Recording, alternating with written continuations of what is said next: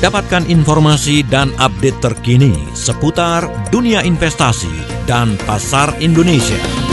Bersama Inspirator Investasi Indonesia, Ryan Filbert dalam Analisa Pasar Indonesia.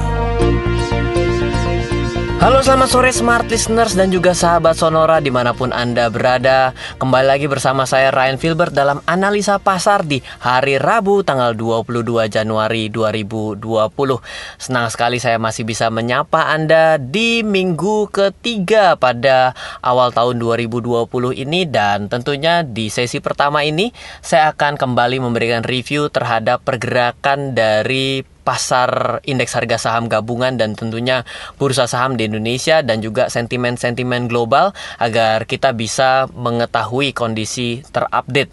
Oke, jadi untuk yang pertama saya akan mereview dari indeks harga saham gabungan.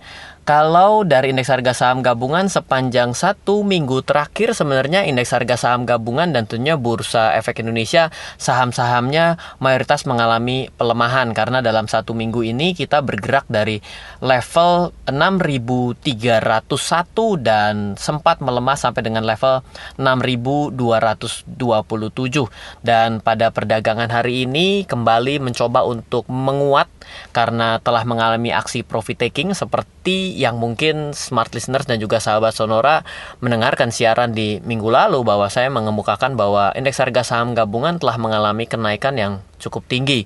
Kenapa? Karena terjadi rally dari sampai dengan akhir tahun 2019 dan biasanya akan terjadi aksi profit taking. Nah, mungkin di bagi smart listeners juga yang tidak terlalu mengikuti pergerakan, maka eh, kita juga melihat bahwa dari nilai tukar rupiah terhadap US dollar juga dalam fase yang mengalami penguatan dan levelnya berada di level kisaran 13.600 bahkan kita sempat mengalami penguatan terhadap nilai tukar itu sampai dengan tanggal 16 Januari adalah titik terkuatnya yaitu dengan 13.630. Apa sih yang bisa kita pelajari dari kondisi yang baru saja kita bahas di mana indeks harga saham gabungan mengalami koreksi aksi profit taking karena efek sudah mengalami kenaikan yang cukup tinggi di sampai dengan akhir tahun 2019 dan apa yang kita lihat dengan nilai tukar yang justru mengalami penguatan. Sebenarnya ada satu gambaran bahwa ada namanya demand and supply ataupun permintaan dan penawaran. Bila yang namanya rupiah mengalami penguatan, artinya apa? Artinya permintaan terhadap rupiah tinggi. Sedangkan sebaliknya, kalau rupiah mengalami pelemahan, maka apa yang kita bisa lihat bahwa kalau melemah artinya dolarnya yang menguat. Berarti tekanan terhadap rupiah berefek kepada eh, rupiah mengalami penjualan dan dolar mengalami pembelian atau permintaan yang lebih tinggi. Kalau kita lihat dengan mengalami penguatan rupiah dengan seperti ini, maka dapat kita lihat ada uang masuk yang cukup besar. Dan juga kalau misalnya smart listeners maupun sahabat Sonora mengikuti timeline berita, ada informasi juga bahwa surat utang negara yang dipublish di bulan Januari ini ternyata penyerapannya juga cukup bagus bahkan e, boleh dibilang masuk menjadi suatu hal yang berprestasi.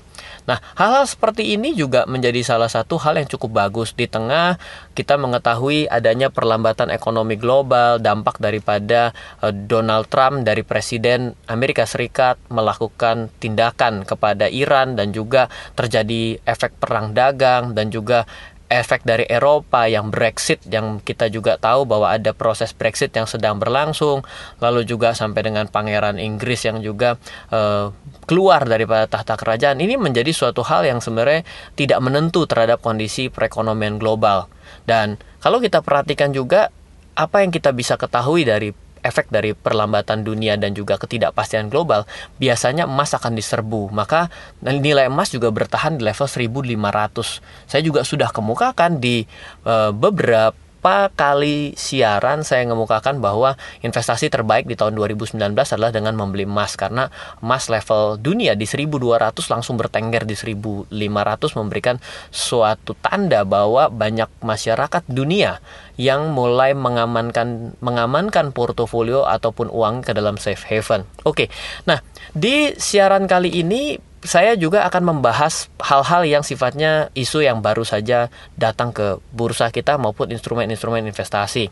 Dan pokok bahasan kita pada siaran sore hari ini adalah saya mau membahas karena banyak sekali yang bertanya, "Pak, bagaimana dengan reksadana yang saya miliki, Pak? Reksadana saya itu adalah reksadana saham. Reksadana saham saya mengalami penurunan yang cukup dalam, bahkan dalam sampai dengan hampir 50% dan bahkan ada yang turun sampai dengan 70% dari yang dia miliki."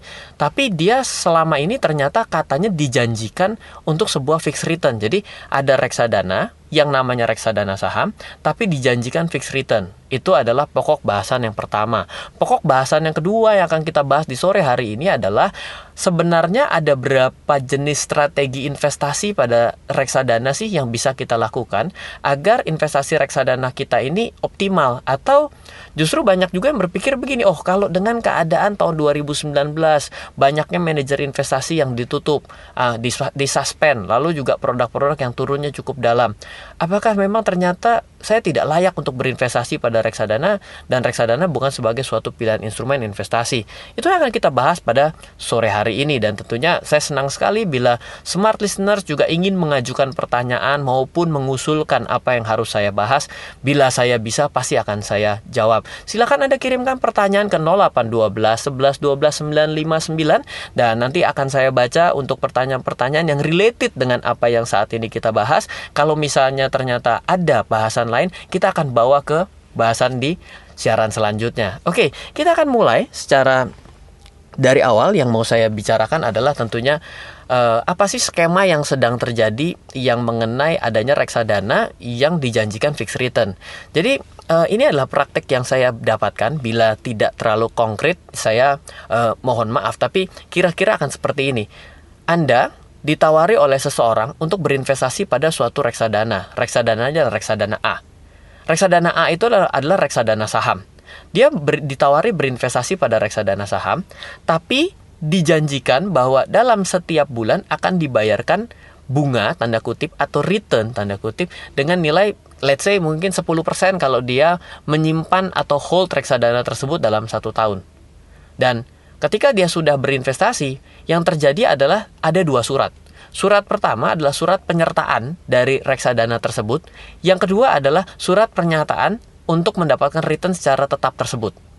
Lalu dalam beberapa waktu tertentu diberikan bunganya secara teratur. Dan biasanya juga akan dijanjikan bahwa kalau misalnya nilainya turun, itu jangan khawatir, maka akan di top up atau akan dikembalikan sampai dengan nilai tetap 100%. Kalau nilainya naik sampai dengan batasan tertentu akan dibagi hasil. Itu praktek yang cukup cukup sering didengar, tapi sayangnya saya tidak pernah ditawari gitu ya. Jadi teman saya yang datang ke saya, lalu juga ada yang WA saya, ini penawaran investasi reksadana ini bagaimana ya Ryan? Saya tidak bisa jawab gitu. Kenapa? Kalau kita bicara mengenai reksadana, di mana reksadana saham, saya dapat katakan dengan jelas bahwa tidak ada yang namanya reksadana saham bisa memberikan return yang tetap. Saya selalu katakan itu. Loh, tapi ini dijanjikan. Iya, dijanjikan apa?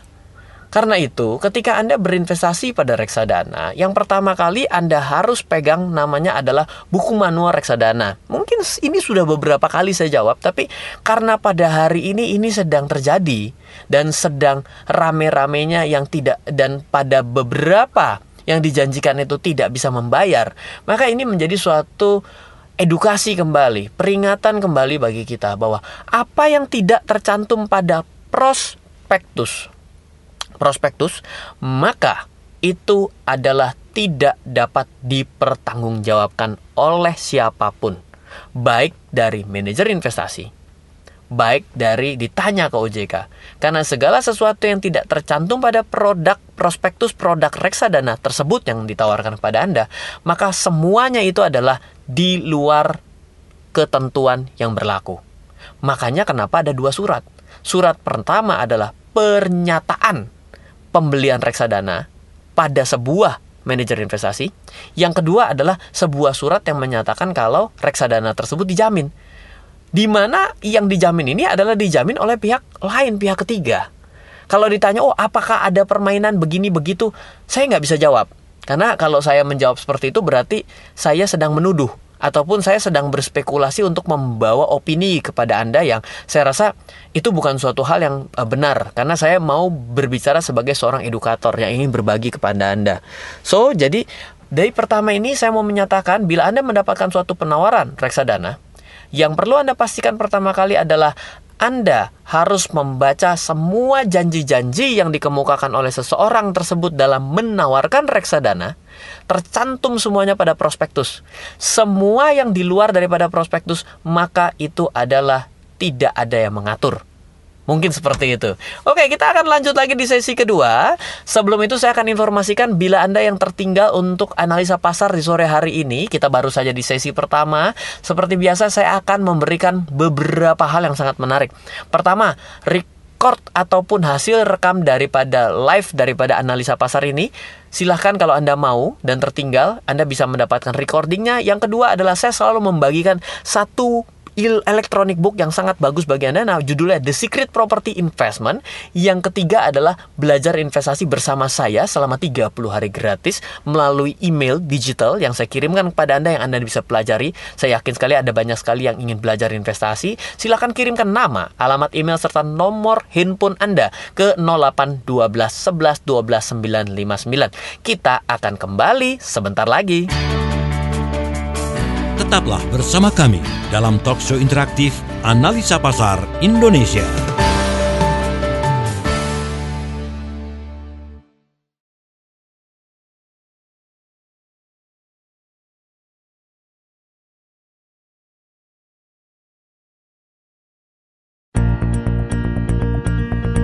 Kembali Anda ikuti talkshow interaktif bersama Ryan Filbert dalam Analisa Pasar Indonesia.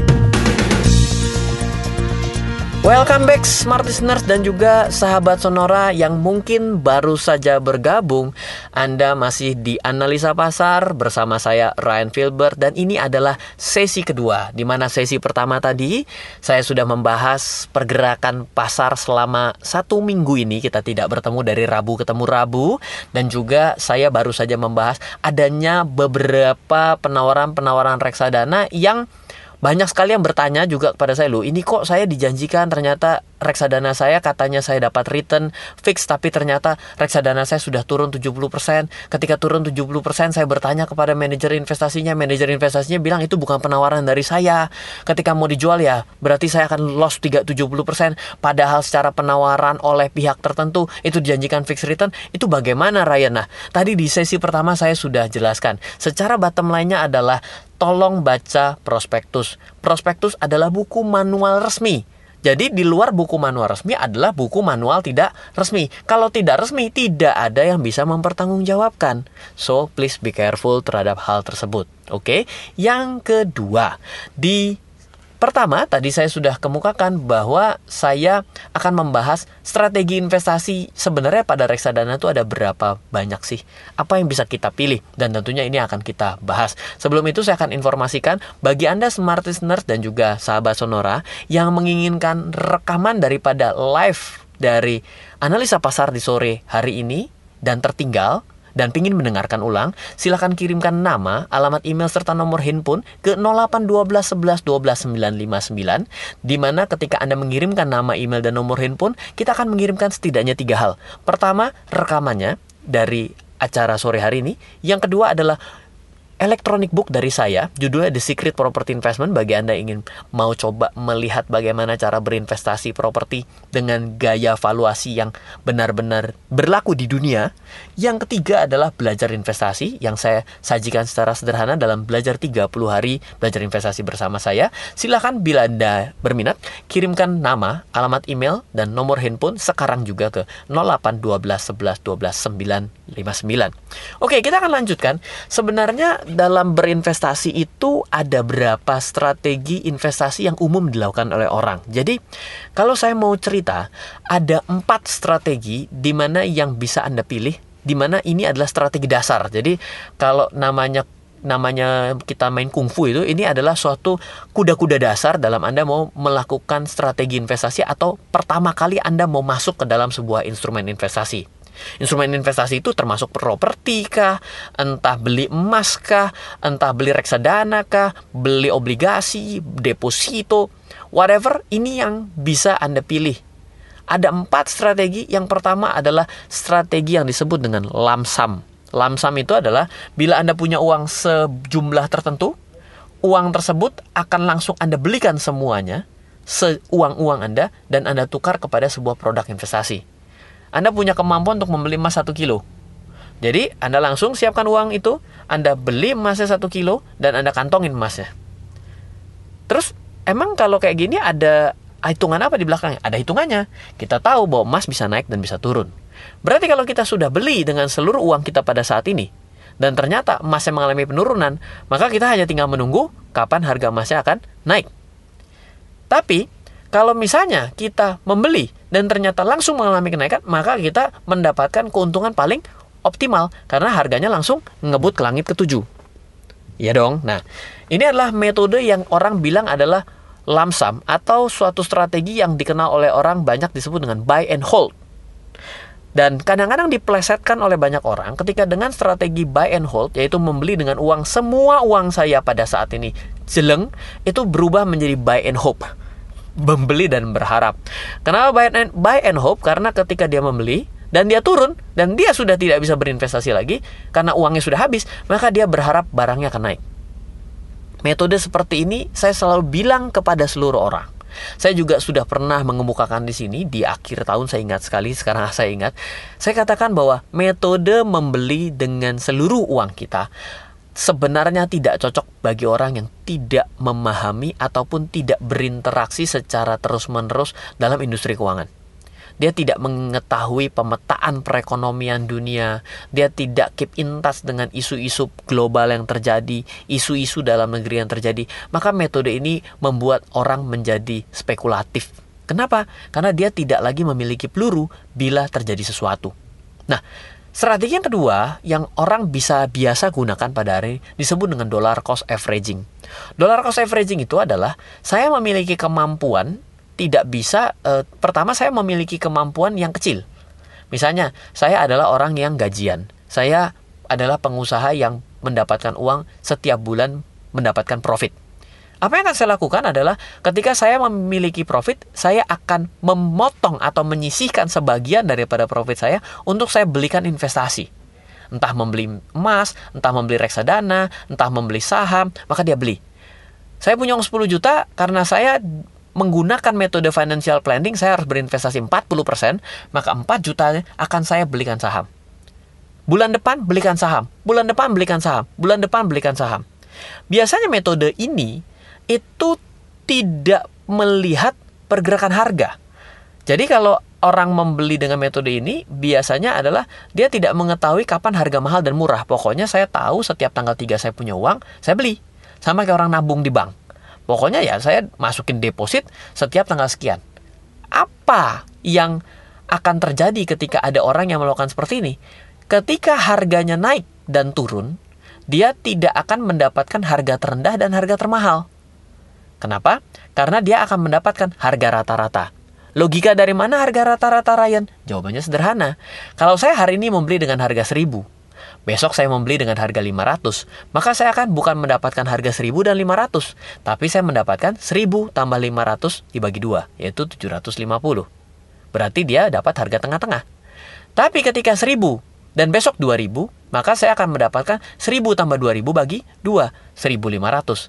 Bedanya apa? Ketika turun, maka dia akan disebut dengan averaging down. Ketika harganya naik, maka dia akan menjadi averaging up.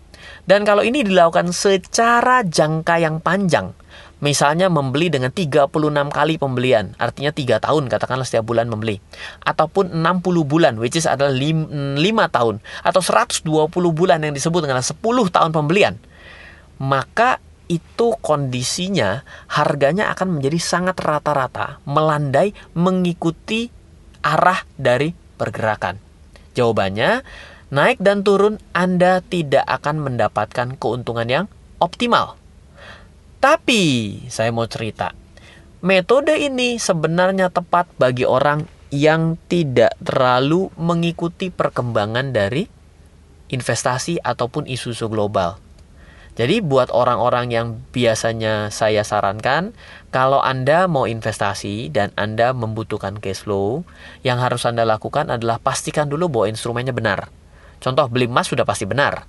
Iya dong, nggak mungkin emas itu harganya jadi setara dengan uh, sampah rongsokan nggak mungkin. Ataupun membeli saham-saham dengan kapitalisasi yang tinggi, yang sudah top-top company di Indonesia. Berarti itu sudah membeli di tempat yang benar Masalahnya adalah kita tidak pernah bisa mengetahui titik terendah dan tertinggi dari sebuah instrumen.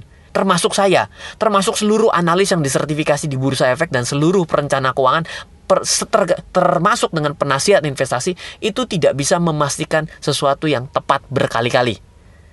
Jadi kita yang melakukan adalah kita karena tahu bahwa kemungkinan kita bisa salah, maka kita melakukannya secara parsial. Itu saran saya.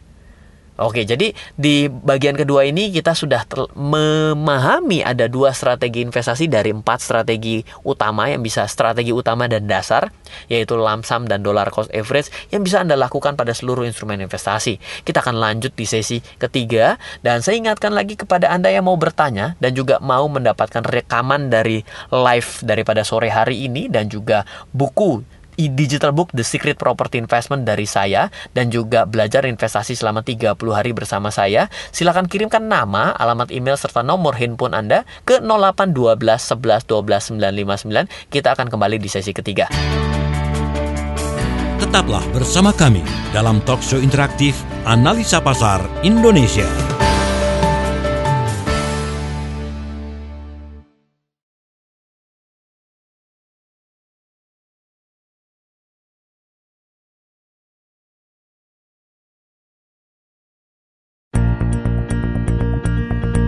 Kembali Anda ikuti talk show interaktif bersama Ryan Filbert dalam Analisa Pasar Indonesia. Selamat bergabung kembali Smart Listeners dan juga sahabat Sonora. Bersama saya Ryan Filbert Ini di sesi ketiga pada sore hari ini Di hari Rabu. Selalu uh, ya pertama-tama mulainya dengan dua minggu atau satu bulan sekali. Ini sekarang karena banyaknya sekali banyak sekali yang minta kepada Smart FM untuk saya bisa siaran setiap sore. Akhirnya atas dukungan Anda semua analisa pasar bisa kita adakan setiap sore di hari Rabu. Semoga ini bisa selalu memberikan manfaat untuk Anda. Di sore hari ini kita tengah membahas mengenai isu mengenai reksadana yang bisa memberikan fixed return tapi reksadana reksadana yang vol volatile itu seperti reksadana saham. Itu tadi di sesi pertama sudah kita bahas dan di sesi pertama dan sesi kedua saya membahas ada strategi umum yang orang lakukan dalam berinvestasi. Tadi kita sudah bahas dua strategi yang disebut dengan lump sum atau disebut dengan buy on hold. Yang kedua disebut dengan dollar cost average yaitu membeli secara parsial atau berkala. Nah, di sesi ketiga ini saya juga akan sharing kepada Anda Smart dan juga sahabat Sonora dua strategi dasar lainnya. Sebelum itu saya akan mengingatkan kembali bila Anda mau bertanya ataupun memberikan komentar terhadap acara ini mau bertanya kepada saya bila saya bisa jawab saya pasti akan jawab tentunya dan semoga saya bisa menjawab. Anda bisa kirimkan nama, alamat email serta nomor handphone serta pertanyaan Anda ke 0812 11 12 959 dan juga bila Anda mengirimkan nama, email dan nomor handphone, saya mau memberikan tiga hal. Yang pertama adalah rekaman daripada sore hari ini. Mungkin Anda terlewat dari sesi pertama. Yang kedua juga saya akan kirimkan yang namanya adalah digital book The Secret Property Investment saya bagikan selalu kepada Anda semua yang mau belajar mengenai properti. Yang ketiga adalah belajar investasi dari saya selama 30 hari. Belajar investasi itu ada banyak sekali bahwa instrumen investasi pasti di Indonesia dan di dunia ini sangat banyak. Saham misalnya. Banyak orang yang bilang saham itu judi. Oh, no, salah. Saham bukan judi. Kalau Anda berpikir bahwa saham adalah judi, maka berbisnis adalah berjudi juga. Oh, bisnis bukan judi ya, berarti saham bukan judi. Jadi seperti itu. Jadi mari kita belajar bersama. Semoga yang bisa saya bagikan ini menjadi suatu bermanfaat bagi Anda semua dan jangan lupa bagikan pada orang lain. Kirimkan nama, email dan nomor handphone Anda ke 0812 11 12 959 dan selama siaran ini ada maka semua yang mengirimkan email dan nama dan nomor handphone akan kita kirimkan. Kita akan lanjut di sesi ketiga sekarang. Nah, oke, okay, setelah kita belajar dua strategi dasar, ada dua strategi dasar lainnya yang bisa Anda pilih dalam berinvestasi. Apa itu na namanya Ryan? Namanya nama kerennya disebut dengan constant share. Constant share itu adalah berbeda sedikit dengan yang namanya dollar cost average. Apa bedanya? Bedanya kalau dollar cost average itu kita fokus kepada nilai nominalnya. Tadi saya kemukakan kalau saya punya pendapatan setiap bulan adalah 10 juta, di mana 40 persennya, 40 persennya adalah 4 juta, 4 juta setiap bulan saya paksakan untuk berinvestasi. Tapi kalau dengan constant share yang kita tetapkan adalah instrumennya yang kita tetapkan saya mau beli berapa banyak. Contoh, untuk membedakan dengan mudah antara dollar cost dan constant share, saya akan coba contohkan dengan suatu hal yang paling sederhana. Saya selalu bilang namanya kalau mau beli cabai. Misalnya Anda adalah ibu rumah tangga atau bapak rumah tangga. anda pergi ke tukang cabai, tanya, Bang, Bang, berapa sih ini harga cabai satu kilo? Oh, satu kilo 15 ribu, Neng. Oh, oke. Okay. Kalau gitu saya beli deh eh, sepuluh ribu, maka secara otomatis dia akan keluarkan nggak satu kilo. Dia akan sesuaikan dengan sepuluh ribu kita. Yaitu dapatnya adalah 10 per 15 dikali satu kilo. Itu berarti Anda akan dapat 2 per 3. Ya kan? Nah, Lalu kalau misalnya uh, Anda besoknya lagi, Anda datang lagi, Bang, saya mau beli cabai dong. Oke, berapa harganya? Harganya naik, Neng, 20 ribu. Beli 10 ribu deh. Oke, ya udah Anda akan dapat 10 10 ribu per 20 ribu, 20 ribu, yaitu dapat setengah kilo. Besoknya lagi, Anda beli lagi cabai, tanya lagi harga satu kilonya. 30 ribu, ih naik ya. Saya beli berapa nih sekarang? 10 ribu juga? Ya udah berarti anda dapat adalah 10 ribu per 30 ribu yaitu sepertiga. Apa yang anda lihat? Anda selalu membayar nilai uang yang sama 10 ribu. Tapi cabai yang anda dapat lebih dikit atau lebih banyak? Betul dong kalau ternyata bulan keempat anda mau beli lagi dengan harga cabai lagi 5 ribu maka akan dapat dengan 10 ribu dapatnya 2 kilo. Oke nah seri yang kedua adalah anda mau beli cabai. Sekilo berapa nih bang? 15 ribu neng. Oke beli ya satu kilo bayarlah 15 ribu. Bulan depannya, bang mau beli cabai dong? Oke, berapa harga sekilo? 20 ribu deh.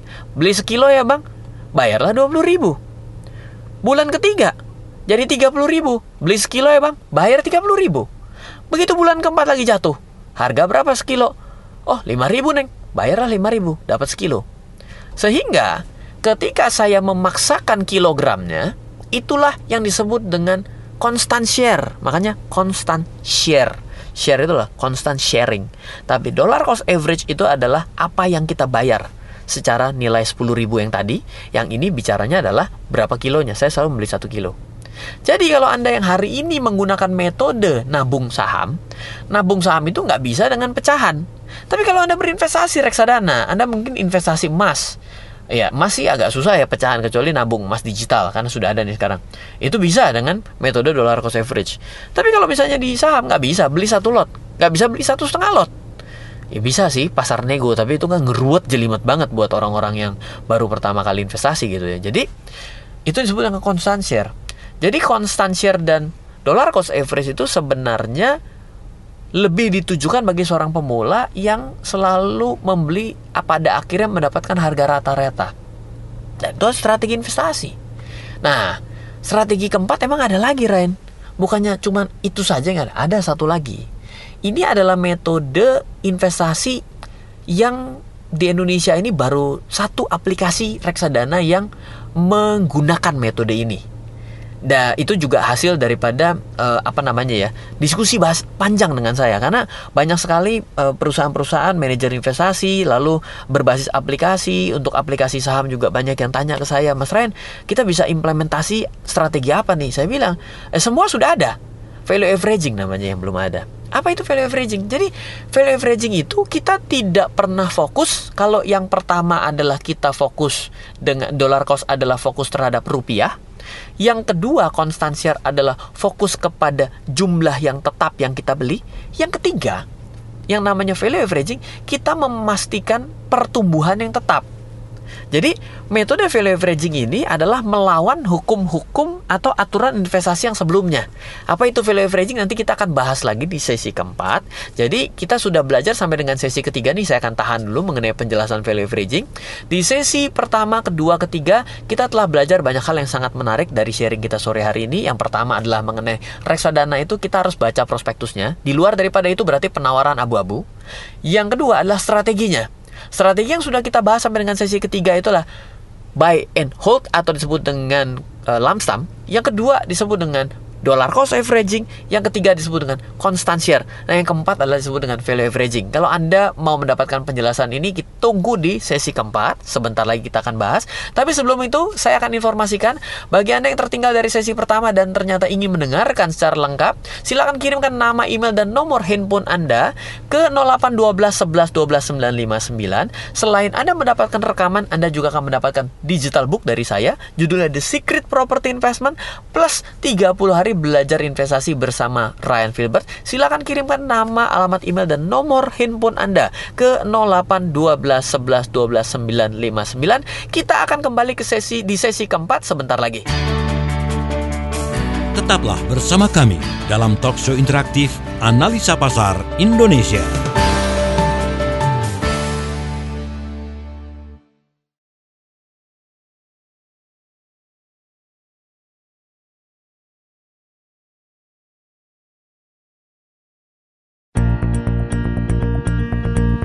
Kembali Anda ikuti talk show interaktif bersama Ryan Filbert dalam Analisa Pasar Indonesia.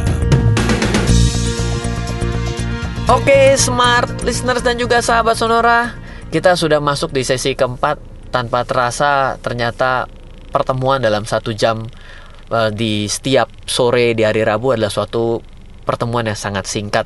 Jadi saya saya ingin cerita sedikit bahwa da dalam waktu beberapa hari terakhir ini kebetulan uh, mama mertua saya meninggal saya melihat sekali detik-detik uh, beliau mau meninggalkan kita dan uh, saya kembali diingatkan bahwa aset paling berharga dalam hidup kita sebenarnya adalah bukan uang kita tapi adalah waktu di mana waktu ini adalah aset paling adil bagi kita semua. Uh, tiba-tiba saya agak bijak gitu ya jadi seorang motivator. Tapi anyway saya mau cerita bahwa ini tetap dalam sudut pandang investasi dalam kehidupan kita. Barang siapa yang merasa uh, tidak memiliki keadilan dalam hidup, maka sebenarnya kita semua itu adil.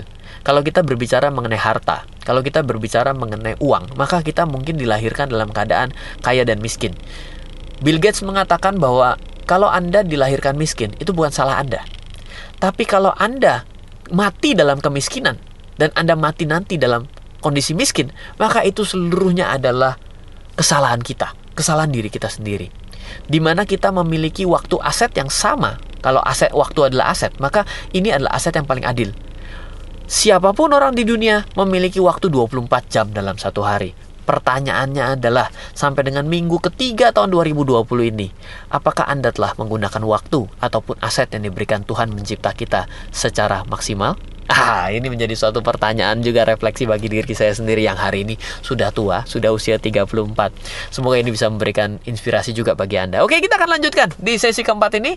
Bagi Anda yang tertinggal di acara analisa pasar, di talkshow analisa pasar setiap hari Rabu bersama saya, Anda bisa kirimkan nama, alamat email serta nomor handphone. Kita akan kirimkan rekamannya di 0812 11 12 959 Silahkan kirimkan nama, email, dan nomor handphone bagi yang mengirimkan sepanjang siaran ini. Selain Anda mendapatkan recording dari analisa pasar ini, Anda juga akan mendapatkan digital book, The Secret Property Investment, dan juga belajar investasi 30 hari. Jadi kalau ada yang bilang saya ini orang pasar modal, oh no, saya ini adalah orang yang suka dengan dunia keuangan dan investasi. Segala jenis investasi saya telah jalani dan saya bisa memilah-milah dan saya ingin berbagi. Kenapa? Karena pengetahuan orang terhadap investasi di Indonesia ini sangat rendah. Dan itulah kenapa banyak sekali akhirnya tertimpa suatu penipuan investasi. Ingat, investasi rugi bukan bisa bisa jadi bukan karena penipuan investasi. Tapi kalau penipuan investasi adalah memang dibuat untuk menipu Anda. So, mari kita menjadi orang yang lebih dewasa dalam melihat instrumen investasi dan peluang investasi yang ada. Kita akan lanjutkan. Di sesi keempat ini, saya akan cerita basic yang namanya investasi adalah value averaging. Jadi keempat adalah value averaging, di mana kalau value averaging, Anda tahu bahwa kelemahan investasi tidak bisa memastikan return. Jadi kalau ada orang yang investasi dipastikan returnnya, itu mungkin sebenarnya bukan investasi ataupun sebenarnya dia berada dalam instrumen surat hutang ataupun tabungan. Coba misalnya Anda mau beli saham, paling salah kalau tanya, eh saham ini tahun depan saya dapat untung berapa? Nggak ada yang bisa tahu. Kenapa? Yang namanya saham itu dasarnya perusahaan. Sekarang saya mau tanya, perusahaan mana yang Anda pegang, yang Anda kerja, yang Anda miliki, yang Anda bisa pastikan tahun 2020 Anda akan dapat keuntungan berapa. Di mana tahun 2020 ini baru jalan satu bulan. Bisa pastikan? Tidak. Target, yes, pasti ada. Orang kalau punya target itu sah-sah saja. Tapi pasti achieve targetnya? Belum tentu. Lebih rendah? Yes biasanya. Tapi yang lebih tinggi? Of course banyak juga. Jadi itulah kelemahan investasi. Dan itulah mengapa banyak orang yang awam dalam investasi itu tidak bisa terima dengan metode ini. Kalau Anda tidak bisa terima, maka saran saya gunakan strategi yang keempat. Value averaging. Value averaging ini Anda melakukan strategi investasi yang memastikan Anda mau return berapa. Jadi misalnya, saya bilang, saya dalam satu tahun yang namanya return harus 12%. Berarti kalau saya mau 12%, satu bulan investasi saya harus tumbuh 1%. Sederhana banget. Jadi, bila saya investasi 100 setiap bulan, berarti saya harus hitung bahwa uang 100 saya bulan ini yang saya setor itu bulan depan harus jadi 101. 100 kan 1 persen. 101. Pertanyaannya, bulan depan Anda lihat. Loh, kok nggak 101, tapi cuma 100,08? Berarti kurang 0,02 nih dari target. 0,02-nya lah yang Anda bayar untuk nilainya genep 101. Eh, 101 berarti 100,8. Berarti kurang 0,2. Berarti 0,2-nya Anda yang bayar. Ditambah setoran baru yaitu senilai 100. Dan bulan selanjutnya Anda hitung, saya harus tambah 1% lagi. Jadi kalau sampai tidak achieve, Anda harus tombok. Jadi sama kayak ini, uh, mungkin sama ceritanya kalau ada agen asuransi. Aduh, bulan ini target saya untuk polis ternyata harus closing 20. Ih, ternyata cuma 19. Ya udah deh, saya beli polis sendiri diri saya satu itu berarti dia achieve target. Nah, itu sebenarnya dalam instrumen investasi, hal seperti itu wajar dan ada strateginya. Namanya adalah value averaging. Saya pokoknya emas saya setiap bulan harus tambah 0,1 kilo. 100 gram. Berarti kalau pertumbuhan investasi saya tidak setara 100 gram, saya harus top up uang saya dari kantong saya sendiri, di luar dari tabungan berkala saya, di luar investasi berkala saya. Kendala yang paling sulit dari strategi ini adalah setiap bulan Anda harus monitor. Dan pasti akan susah karena nilainya koma-koma. Betul nggak? Nah itu tantangan-tantangan bagi Anda yang hari ini juga pengembang dunia startup dan fintech. Ini adalah metode yang hari ini di Indonesia saya belum menemukan. Dan kebetulan baru ada satu pengembang aplikasi reksadana yang akhirnya mengimplementasi atas ide saya value averaging ini. Ya mungkin ini nggak menjadi topik bahasan kita pada sore hari ini karena itu jadi apa namanya saya harus promo tapi saya juga nggak mau hal seperti itu. Tapi anyway ini yang mau saya ceritakan bahwa value averaging method ini sebenarnya bagi orang-orang yang selama ini merasa instrumen investasi itu tidak bisa pasti. Sebenarnya nggak juga. Anda bisa memastikan returnnya ketika Anda bersedia menambah ataupun mendapatkan harus pokoknya setiap intinya adalah Anda harus punya uang. Pak, kalau misalnya ternyata targetnya satu persen tercapai 2%, terima kasih Tuhan karena Anda tidak perlu nambah. Berarti Anda setoran bulan ini lebih kecil. Asik dong? Kalau Anda ternyata harus setor barang 20, ternyata Anda dapat 22, ya berarti Anda dua lagi berarti libur. Betul dong? Nah, jadi kira-kira tuh seperti itu. Nah, ini value averaging adalah suatu strategi yang sangat baik. So, mungkin kalau Anda mau mendapatkan informasi lainnya dari strategi value averaging dan mungkin Anda mau mendapatkan nil semua rekaman dari sore hari ini, di mana ini sore hari ini sudah uh, mau berakhir, ada mungkin saya ada sekitar satu menit untuk bisa menyampaikan analisa pasar. Maka kalau untuk analisa pasar di minggu ini Rabu sampai Rabu depan kemungkinan besar pasar akan rebound, di mana reboundnya kemungkinan datang dari uh, pertambangan batu bara dan juga saya melihat ada rebound kemungkinan dari sektor consumer dan juga dari sektor agro agri. Nah, jadi itu bisa menjadi um, lihat Anda uh, menjadi suatu hal yang harus Anda perhatikan dan juga kemungkinan harga nilai tukar akan kembali uh, kita akan kembali ke level 14.000 bukan atas apa itu disebut dengan technical rebound itu biasa sekali bukan artinya saya nyumpain rupiah melemah salah sekali saya tidak pernah mengharapkan rupiah kita melemah tapi rupiah demikian kuat juga kita dirugikan. Kenapa? Karena pendapatan uh, ekspor kita akan turun dan pendapatan ekspor kita turun akan menyebabkan defisit dari neraca perdagangan kita menjadi luas itu juga tidak akan diinginkan oleh uh, negara kita oke okay? anyway bila anda terlewat di analisa pasar sore hari ini. Untuk yang mau mendapatkan rekamannya dari sesi pertama sampai dengan sesi keempat ini silakan kirimkan nama, alamat email serta nomor handphone Anda ke 0812 11 12 959 dan juga saya akan kirimkan dua hal, digital book judulnya The Secret Property Investment dan juga belajar investasi selama 30 hari bersama saya Ryan Filbert. Ini sudah berakhir di pertemuan kita sore hari ini dan jangan lupa kirimkan nama, email dan nomor handphone Anda ke 0812 11 12 959 dan untuk mengakhiri di sore hari ini saya ucapkan uh, sampai bertemu lagi di minggu depan dari saya Ryan Filbert salam investasi untuk Indonesia. Baru saja Anda simak ulasan mengenai pasar Indonesia dan berbagai peluang di dalamnya dalam talk show Analisa Pasar Indonesia bersama Inspirator Investasi Indonesia, Ryan Filber. Sukses untuk bisnis Anda. Terima kasih dan sampai jumpa.